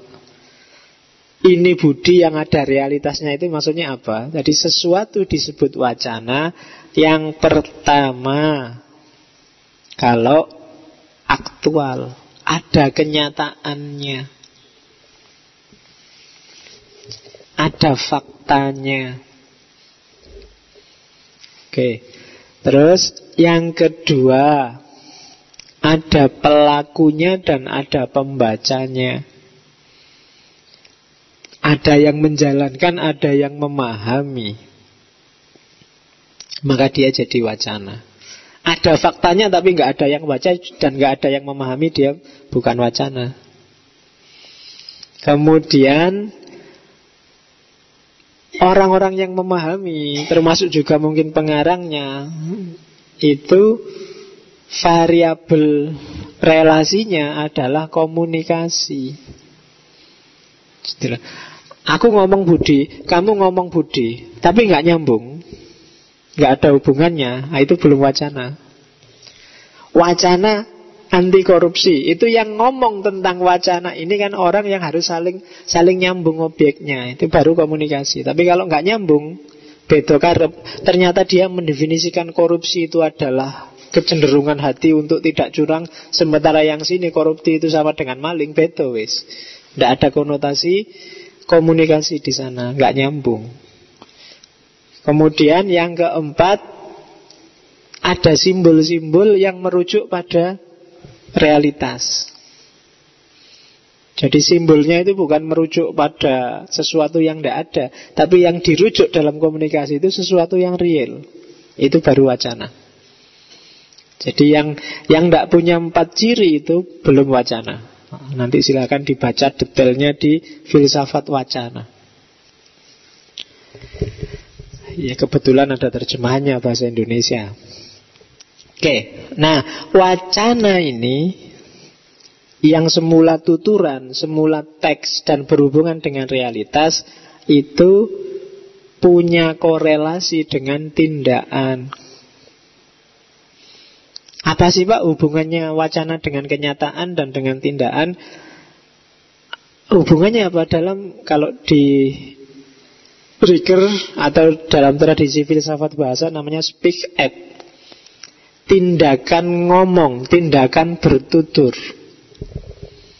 Jadi kalau kamu sedang speak, kamu sedang bertutur Kamu ngobrol itu bertutur Kamu diskusi itu bertutur Speak at tindakan ngomong itu bertutur. Itu sebenarnya itulah pertemuan antara wacana dan tindakan. Ya secara umum isinya tiga Ada lokusi, ada ilokusi, ada perlokusi. Lokusi itu ngomong yang sifatnya informatif. Kemarin sore hujan Itu lokusi. Cuma cuma ngasih tahu aja. Kalau ilokusi informatif tapi dimaksud untuk melahirkan tindakan tertentu. Misalnya, tehku kok sudah habis ya. Nah, ngomong gini itu kan terus kamu kan mancing. Oh iya, ini harusnya ditambahi tehnya terus kamu lari lagi keluar. Aku kan nggak merintah kamu. Cuma aku ngomong tehku sudah habis. Nah, itu namanya ilokusi. Jadi digunakan untuk melahirkan tindakan tertentu. Wah, rambutmu kok sudah panjang ya? Loh itu kan terus kamu, wah ini harus potong ini kan. Ya kan? Gak ada yang merintah, gak ada yang anu cuma ini namanya kalimat ilokusi. Dari tuturan lahir tindakan. Oke, yang ketiga perlokusi. Kalau perlokusi tidak cuma tindakan yang lahir Tapi juga efek Dalam dirimu Apa ya contohnya Misalnya di Saya bilang Hati-hati ya Di pojoknya masjid sana Itu biasanya angker loh Nah itu kan Ada efeknya dalam dirimu Waduh ini Ada dampaknya Mahasiswa yang males itu biasanya IP-nya mesti rendah. Wah, terus kamu jadi minder karena kamu merasa malas. Itu perlokusi. Sering-sering belajar filsafat, hati-hati aja stres ya. Ah, terus Ah, terus kamu terus jadinya semula semangat terus jadi aduh kok stres ya hasilnya. Itu kalimat ini namanya perlokusi, menimbulkan dampak tertentu bagi jiwa. Oke, jadi itu namanya speech act. Tuturan yang berimplikasi pada tindakan yang itu berkorelasi dengan wacana. Nah, jadi itu empat cirinya wacana dan itu korelasinya dengan tindakan. Oke. Terus di Paul Ricker kayak gimana sih proses hermeneutik yang pas, yang model suspicious, yang jenisnya resepsi itu, yang menyeimbangkan antara sisi objektif dan subjektif dari satu wacana. Kalau di Hegel ada rumus besarnya yaitu dekontekstualisasi dan rekontekstualisasi. Dekontekstualisasi itu lepaskan teks dari konteksnya dalam rangka apa? Biar kita tidak terjebak dengan makna lama. Setelah dilepaskan, itulah nanti lahir otonomi teks. Jadi dekontekstualisasi itu lahirnya otonomi teks. Dilepaskan dari apa sih Pak? Yang pertama maksud pengarangnya. Yang kedua situasi historis kultural dari teks. Yang ketiga untuk siapa teks itu dimaksud. Cuma ini teknik yang agak trik. Kenapa saya sebut trik? Untuk melepaskan, kan kamu harus tahu dulu. Kamu harus tahu dulu apa maksud pengarangnya, baru kamu lepaskan. Kamu harus tahu dulu seperti apa konteksnya, baru kamu lepaskan. Dan kamu harus tahu untuk siapa teks itu dimaksud, baru kamu lepaskan. Nah ini agak kritik terhadap Gadamer minggu lalu. Kalau di Gadamer minggu lalu kan enggak lah. Fusion of horizon. Orang itu dialognya itu ya antara teks dengan dirinya. Tapi kalau di Paul Ricoeur Iyalah dialog itu ya teks dengan diri kita. Cuma kalau kita nggak hati-hati Kita bisa terjebak masa lalu. Karena itu kita harus tahu Maksudnya pengarang nulis ini apa? Terus kita lepaskan biar kita nggak terjebak oleh itu. Konteksnya dulu apa? Ya terus kita sisihkan dulu. Dan yang ketiga, untuk siapa teks dimaksud? Kita lepaskan dulu. Kenapa sih harus dilepaskan? Biar teksnya fungsional. Kalau enggak, kalau enggak kita lepaskan, yang terjadi repetisi, ngulang-ngulang. Kalau ngulang-ngulang, itu berarti teksnya mati tidak fungsional, ngulang. Dan kadang-kadang jadinya ahistoris, asosial, tidak nyambung sama kenyataan hari ini. Hari ini sudah ada pesawat, maka nggak usah maksa naik haji pakai onta. Sudah nggak nyambung. Itu namanya dekontekstualisasi. Lepaskan dari konteks lamanya. Kalau zaman dulu perempuan keluar rumah harus dikawal oleh muhrimnya, bapaknya, kakaknya. Itu karena konteks zaman itu. Lepaskan dari konteksnya, kasih konteks hari ini. Kalau masih kayak dulu, susah kamu.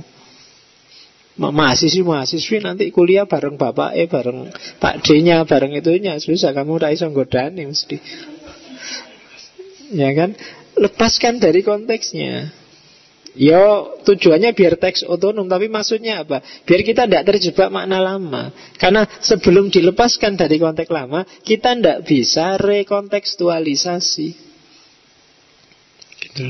Tadi ada orang pakai rok mini Dekontekstualisasi itu kan berarti Lepaskan dari tujuannya dia pakai rok mini Dalam situasi apa dia pakai rok mini Tapi resapi sesuai versimu kamu tidak akan bisa meresapi sesuai versimu kalau dia tidak lepas dari konteksnya dia. Gitu kamu tidak bisa mengomentari orang punya jenggot pakai cadar kalau kamu hanya ikut konteksnya dia. Hanya ikut argumennya dia, versinya dia. Untuk bisa rekontekstualisasi harus dikontekstualisasi dulu. Jadi sehingga apa? Pemahaman jadi kreatif. Ada ide baru. Kamu memahami aku kuliah. Kalau cuma ngulang-ngulang yang tak omong, itu tidak kreatif, tidak akan lahir gagasan baru, ide baru. Kadang-kadang usang dan nggak relevan. Tapi kalau kamu bunyikan sendiri versimu, itu namanya rekontekstualisasi. Tadi tak contohkan hujan karena sekarang situasinya hujan. Mungkin dalam konteks tertentu jangan kasih contoh hujan. Nanti orangnya tidak paham atau situasinya sudah berubah sekarang sudah musim panas misalnya. Maka lakukan rekontekstualisasi. Jadi memahami sesuatu itu ada ada timbal balik antara dekontekstualisasi dan rekontekstualisasi. Lepaskan dari konteks lamanya dan pakailah konteks baru. Oke. Nah, untuk bisa dekontekstualisasi, keywordnya adalah distansiasi. Dan yo distansi. Distansi itu nama objeknya, prosesnya namanya distansiasi. Mengambil jarak. Jangan terlalu terlibat. Kenapa? Untuk bisa membuat interpretasi dengan baik, teksnya harus otonom, kamu harus ngambil jarak. Jangan kamu dilibat oleh pengarangnya, jangan kamu disibukkan oleh sejarah masa lalunya, ambil jarak. Itu distance. Tag itu dari masa lalu yang berjarak dari kita. Beda sama Gadamer minggu lalu. Kalau di Gadamer, jarak itu kan jadi masalah. Tapi kalau di Riker justru jarak itu jalan untuk kita melakukan rekontekstualisasi. Jadi jangan takut dengan jarak Justru dengan adanya jarak. Lupa teksnya dari masa lalu. Oleh karena itu lebih enak Karena ada jarak Kita bisa melakukan rekontekstualisasi. Itu distansi. Kenapa sih harus mengambil jarak Harus rekontekstualisasi? Biar lahir makna baru kalau nggak ada makna baru ya stagnan. Tidak ada horizon baru. Ilmu tidak berkembang. Ilmu jadi museum. Tidak operatif, tidak fungsional. Maka perlu kita bikin rekontekstualisasi. Oke, jadi keywordnya distansi. Biasanya setelah distansi ada namanya apropriasi. Apropriasi itu ya itu yang disebut rekontekstualisasi. Ngasih konteks sesuai versi kita. Ya misalnya zaman dulu para ulama dari Timur Tengah ke sini pakai jubah. Nah, terus kita dekontekstualisasi. Alas yang penting nutup aurat terus kita pakai sarung. Nah itu rekontekstualisasi. Kenapa? Karena kalau dipaksa pakai jubah mungkin sumpek. Karena iklimnya Indonesia beda dengan konteksnya Arab. Indonesia hawanya lembab. Kalau kita tiap hari pakai jubah Apalagi panas-panas Oh kamu bisa pingsan. Kenapa? Lembab. Keringet bisa nempel di mana-mana. Dan itu kan tidak sehat. Maka terus Para ulama Indonesia istilahnya oh, lebih sehat pakai sarung ternyata Nah, itu namanya rekontekstualisasi. Oke. Selanjutnya ini ini bukunya From Text to Action. Nah, kayak apa sih yang harus kita jarai? Yang harus kita bedakan, ngambil jarak itu kan ngambil beda. Yang pertama distansiasi antara wacana dengan makna. Kamu harus bisa milah mana wacana, mana makna. Kayak tadi loh. Nutup aurat itu makna. Pakai jubah itu wacana. Itu X. Yaitu contoh paling gampang. Jadi yang penting kalau agama maknanya kena, yang penting kamu ambil aja maknanya, urusan wacananya kan bisa ganti. Rekontekstualisasi itu kan ngasih konteks baru, ganti wacana. Tapi kan tetap yang penting nutup aurat terus diganti sarung. Kan kayak gitu.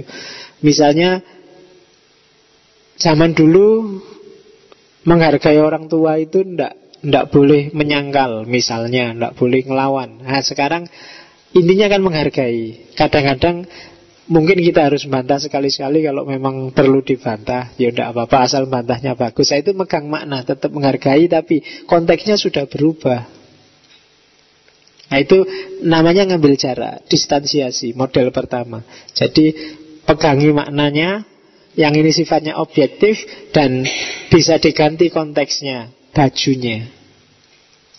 Oke, itu jarak yang pertama. Jarak yang kedua Bedakan antara karya dengan maksud pengarang Antara tulisan dengan tujuannya orang yang ngarang Kamu harus bisa memilah Kalau nggak bisa misah ini kamu akan bingung Jadi tulisanku dengan maksudmu. Ini biasanya yang sering mengacaukan kan ini. Gitu loh. Saya ngomongnya kasar, tapi hati saya baik. Nah, itu kan kalau kamu nggak bisa misahkan mana hatinya yang baik dan mana omongannya yang kasar, nanti logikamu jadi kacau. Ahok itu ngomongnya kasar, tapi kan tujuannya baik. Alunya baik. Nah, itu kalian harus bisa ngambil jarak antara karya dengan pengarang. Karena kalau tidak bisa, kalau kalian selalu melihat keterkaitannya, teksnya nggak akan bisa direkontekstualisasi. Yang ketiga, ambil jarak antara the act of writing dan the act of reading. Maksud pengarang dan interpretasi pembaca. Jadi, oh ini pemahaman para ulama, ini Qurannya. Itu kalian harus bisa membedakan itu. Oh ini pemahaman mahasiswa, ini teori dari dosennya. Oh ini pemahaman yang baca, ini teori dari pengarangnya. Ambil jarak. Kalian harus kalau enggak, jangan-jangan nanti kamu campur antara interpretasi pembaca dengan maksud pengarang. Itu yang terjadi kan banyak Merasa bahwa lu ini yang dimau oleh Allah itu Islam yang benar ya Islamku ini Kenapa itu terjadi? Karena orang tidak bisa misah, tidak bisa ngambil jarak antara pemahamannya dengan objek yang dipahami. Jadi pemahamanmu terhadap Al-Quran itu nilainya tidak sama dengan Al-Quran. Pemahamanmu terhadap ngaji malam ini itu teks yang baru sudah. Tidak sama persis dengan teks lama yang tak kasih. Dan yang terakhir, ambillah jarak antara teks dan reference. Bunyi teks dengan realitas yang dituju oleh teks. Kalau teks yang ngomong ini budi, itu kalian harus membedakan mana teks ini budi, mana realitas budi yang sebenarnya. Itu distansi. Distansi-distansi ini penting untuk menjernihkan makna, mana yang objektif, mana yang subjektif. Ini tadi sehingga Ricoeur disebut menggabungkan ranah subjektif dan objektif. Objektif itu penting biar orang ngerti makna aslinya. Tapi subjektif juga penting biar apa? Biar teks atau wacana itu hidup terus. Tidak mati. Itu maunya Paul Ricoeur. Jadi kalian baca teks apa pun, itu ada dua dimensi yang terlibat. Objektif dan subjektif. Teksnya itu sendiri objektif, pemahamanmu, pemahaman orang itu yang subjektif. Jangan sampai terjadi kayak Muhammad Argun itu kan yang bilang bahwa umat Islam hari ini tidak ada yang mensakralkan agama. Yang disakralkan adalah pikirannya sendiri. Itu yang disebut takdisul afkar ad-diniyah. Jadi yang yang kamu dewa-dewakan kan tafsirmu terhadap Quran. Entah tafsir versi NU, versi Muhammadiyah, versi HTI. Dan itu yang kamu sakralkan sebenarnya. Kenapa fenomena ini terjadi? Karena orang tidak bisa melakukan distansiasi. Nggak bisa ngambil jarak, nggak bisa membedakan. Ini loh Qurannya, ini loh tafsirku. Gitu. Atau antara tindakan dengan teks. Aku cinta kamu itu teksnya. Aku jemput kamu tiap hari Aku nge-SMS kamu tiap hari Mention kamu di, di Facebook Itu manifestasinya. Itu itu ada distan Ada jarak. Mungkin saja aku tetap cinta kamu Tapi tidak jemput, tidak apel, tidak mention di Facebook Itu kan mungkin. Maka harus ada jarak Bukan berarti kalau sudah nggak jemput Terus tidak cinta lagi. Ya mungkin ada kesulitannya apa. Nah itu yang pentingnya distansiasi. Itu nanti keywordnya dalam memahami Paul Ricoeur. Kalau kamu bikin tulisan tentang dengan pendekatan Paul Ricoeur, maka kalian harus bisa memilah distansiasi ini. Misalnya pemikirannya Muhammad Abduh tentang apa dalam Al-Quran Itu kalian harus membedakan Oh ini Abduh, ini Qurannya Ya kan, ini dia yang baca Ini dia teksnya Ini dia teksnya Abduh, ini dia referennya. Referen itu Abduh ngomong gini karena dia lihat itu loh. Misalnya Abduh menafsirkan apa? Menafsirkan jin kalau dalam Al-Quran bagi Muhammad Abduh itu jin dan kawan-kawan itu sebenarnya makhluk ilmiah. Jin itu kalau di Abduh disebut dia bakteri, virus dan lain-lain. Jadi bukan jin yang kayak di pikiran kita bangsanya pocong, gondorwo dan lain-lain bukan itu. Tapi jin itu ya bangsanya virus, bakteri ya karena orang belum ilmunya belum mapan, belum lengkap terus disebut jin dan lain sebagainya. Jadi kalau ada yang bilang kamu kesurupan jin itu sebenarnya kalau kamu sedang flu itu kan kemasukan virus, kemasukan bakteri. Nah, itu kalau dia itu sebenarnya kamu sedang kesurupan jin. Karena jin itu virus dan bakteri. Loh, ini kan ada referennya, ada teksnya, ada authornya. Teksnya Al-Quran tentang jin, ada tafsirnya dari Abduh, ada referennya. Ini kan karena zaman Abduh itu kan orang Islam sedang terpesona dengan sains barat, maka semua tafsir diarahkan agar saintifik, agar ilmiah. Arahnya ke sana. Nah, itu referennya. Nah, kalian harus bisa milah. Kok kamu sampai menafsirkan kayak gitu Kenapa sih? Oh ada referennya Imam Syafi'i kol kodim kol jadid Yang satu di Baghdad Yang satu di Mesir Baghdad dan Mesir ini referennya Ya kalau ada orang ngomong Kamu kok bisa ngomong kayak gitu Lihat apa sih? Nah lihat apa itu referennya Kok ada orang ngomong asu aja kamu kok semarah itu sih misalnya itu referennya ke mana? Sama-sama ngomong anjing, mungkin yang satu nggak marah, yang satu marah. Kenapa? Referennya yang beda. Dulu orang ngomong sakitnya tuh di sini itu biasa aja. Tapi sekarang ngomong sakitnya tuh di sini kan bayanganmu terus referennya ke lagu dangdut. Itu namanya referen. Nah, ini harus clear, harus diambil jarak, harus tegas. Kalau enggak, pemahaman akan campur baur enggak karu-karuan. Nah, itu dimensi objektif dan subjektifnya pemahaman. Itu distansi. Oke. Nah, oleh karena itu, kalau di Paul Ricoeur, langkah-langkah untuk memahami teks sebaiknya dilakukan secara bertahap di tiga tahap.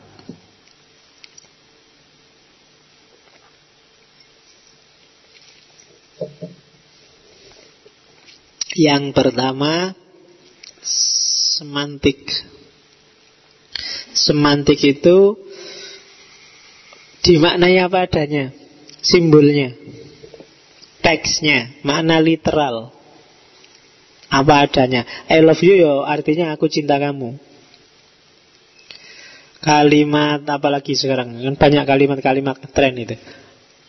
Ketika dimaknai letterlek apa adanya, itu namanya pemanaan semantik dari sisi kebahasaan.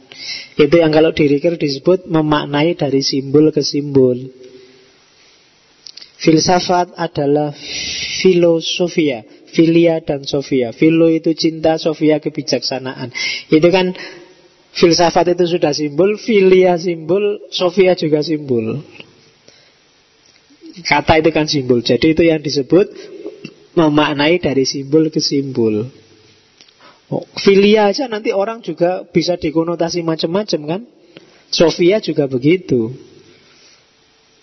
Filosofia, cinta. Wah, cinta itu apa ya Pak? Panjang lagi nanti definisinya. Karena dia juga simbol. Kebijaksanaan. Wah, kebijaksanaan itu apa ya Pak? Simbol lagi.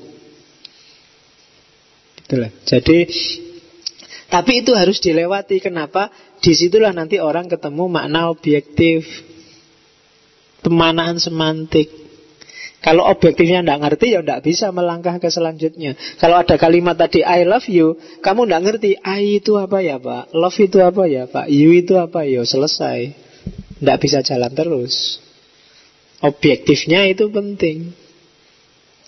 Itu loh. Secanggih apa pun kamu merangkai kata-kata, kalau objektifnya nggak ngerti ya tidak bisa mana. Kayak buku bahasa Inggris dibaca orang yang tidak ngerti bahasa Inggris. Nah itu kan wallahu alam bisawab akhirnya. Iki karepe apa? Ndak tahu saya, Pak. Ya sama aja. Nggak mungkin kalau sudah bahasanya ada nggak ngerti kamu saya ingin memaknai secara secara apa lagi wong kalimatnya wera paham. Jadi kunci pertama simbol itu makna semantik dari simbol ke simbol. Maka bahasa jadi kuncinya. Ilmu bahasa itu kan gerbang masuk ke ilmu apa pun. Yo bahasa itu kan tidak cuma bahasa Inggris, bahasa Arab, bahasa Jawa juga, bahasa Sanda, Sunda juga kalau teksnya memang teks Jawa, teks Sunda. Oke, itu yang pertama harus dilewati objektif. Yang kedua, setelah objektifnya kena, kamu paham letter lucknya apa, langkah kedua adalah refleksif atau fenomenologis, memberi makna simbol. Kalau ini bisa kamu artikan memahami teks dari perspektif pelakunya. Teks ini oleh yang nulis maksudnya apa sih? Nah, itu makna refleksif fenomenologis. Kok tadi ada I love you ditulis itu maksudnya apa? Oh, itu kadang-kadang makna fenomenologis ini bisa kebalikan dari makna semantik. Kalimatnya bunyi apa tapi maksudnya apa? Kayak kamu misalnya habis nyenggol temenmu, temenmu jatuh sakit, sakit nggak? Ah nggak, nggak apa-apa kok. Padahal sakit. Bunyinya enggak, secara semantik enggak itu kan ya berarti enggak. Tapi begitu dicek secara refleksif, fenomenologis, ya mestinya ya sakit, wong kesenggol sampai jatuh kayak gitu eh. Tapi karena teman terus dia bilang enggak. Nah, itu fenomenologis. Kamu harus bisa berempati masuk ke pelakunya. Level ini level pemahaman hermeneutika romantik.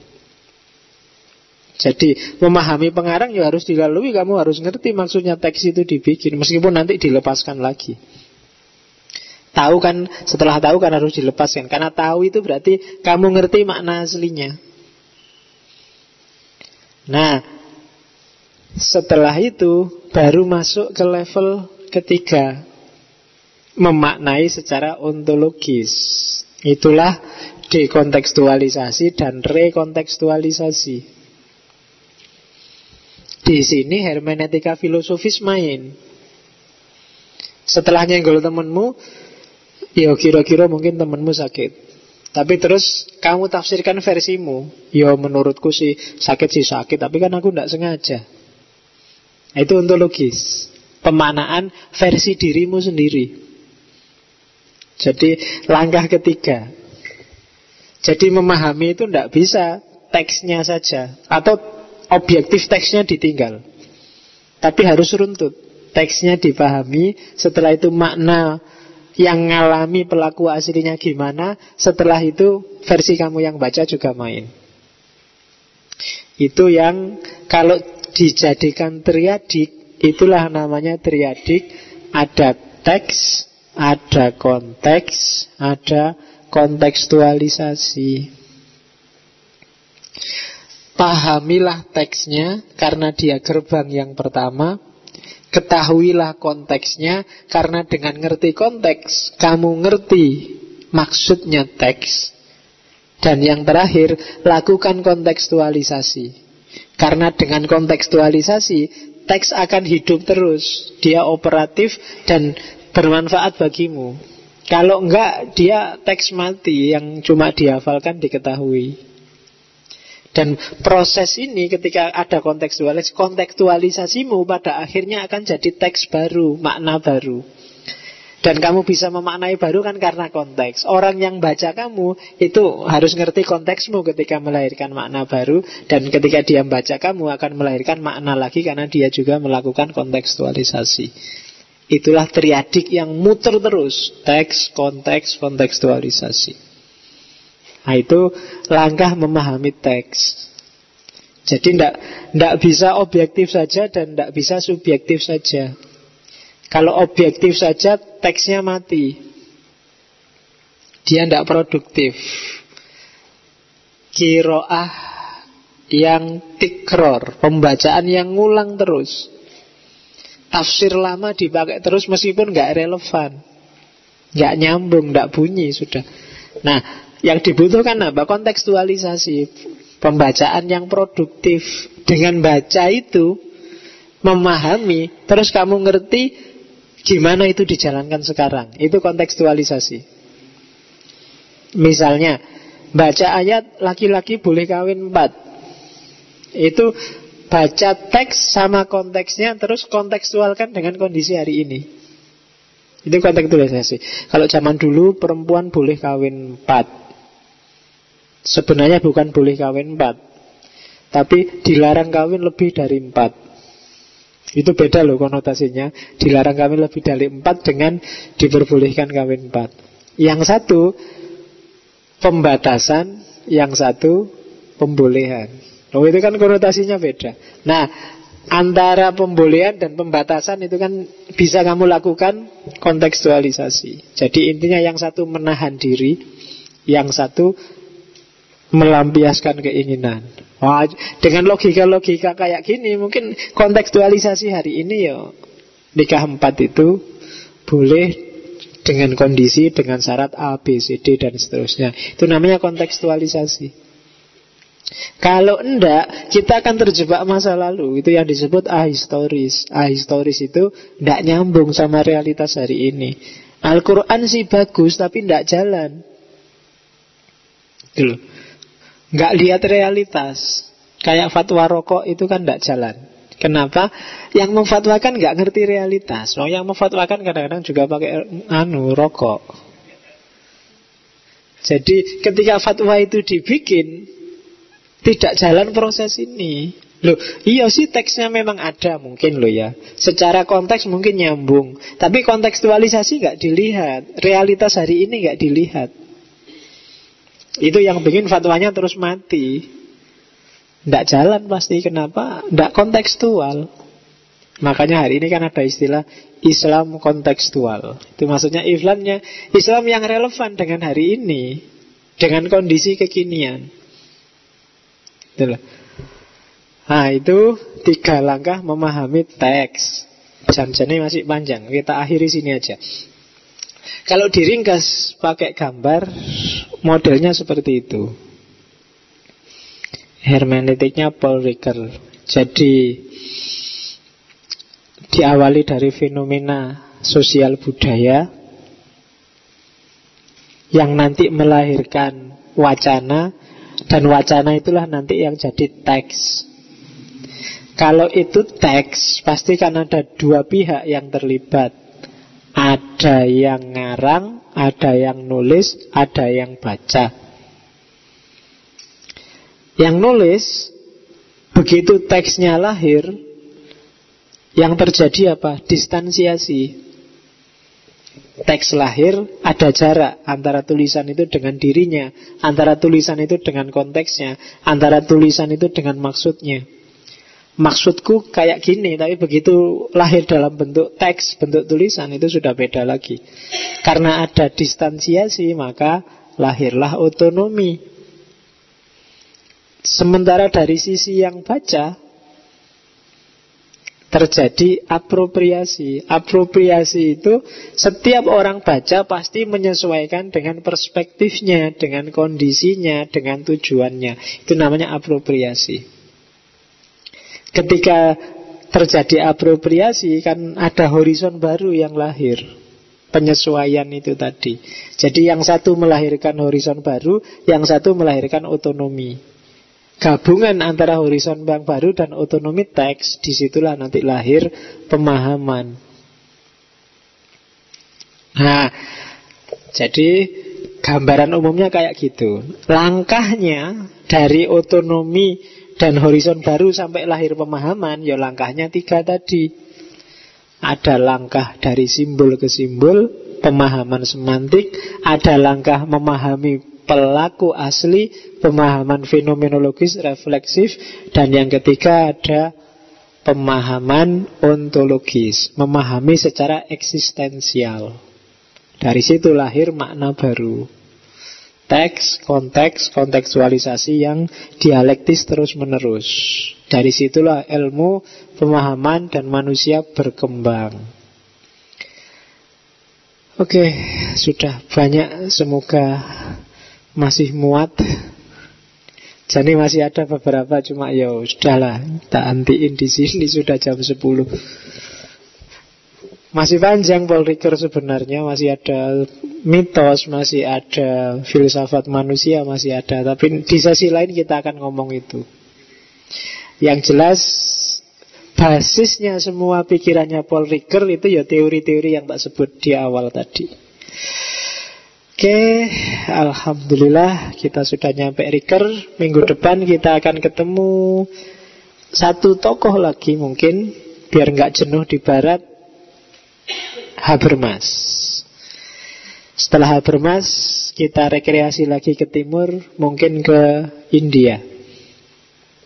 Kita lihat tiga atau empat filsafat di India Terus kita balik ke barat lagi. Saya pinginnya nanti masuk tematik. Saya tidak tahu tema pertama kita ngomong apa. Mungkin filsafat ilmu Mungkin filsafat ketuhanan Mungkin filsafat Ya tergantung moodnya besok apa Jadi nggak harus dipatok apa Wis pokoknya diikuti aja. Oke saya kira itu. Wallahul muwafiq Wallahu a'lam bisawab Wassalamualaikum warahmatullahi wabarakatuh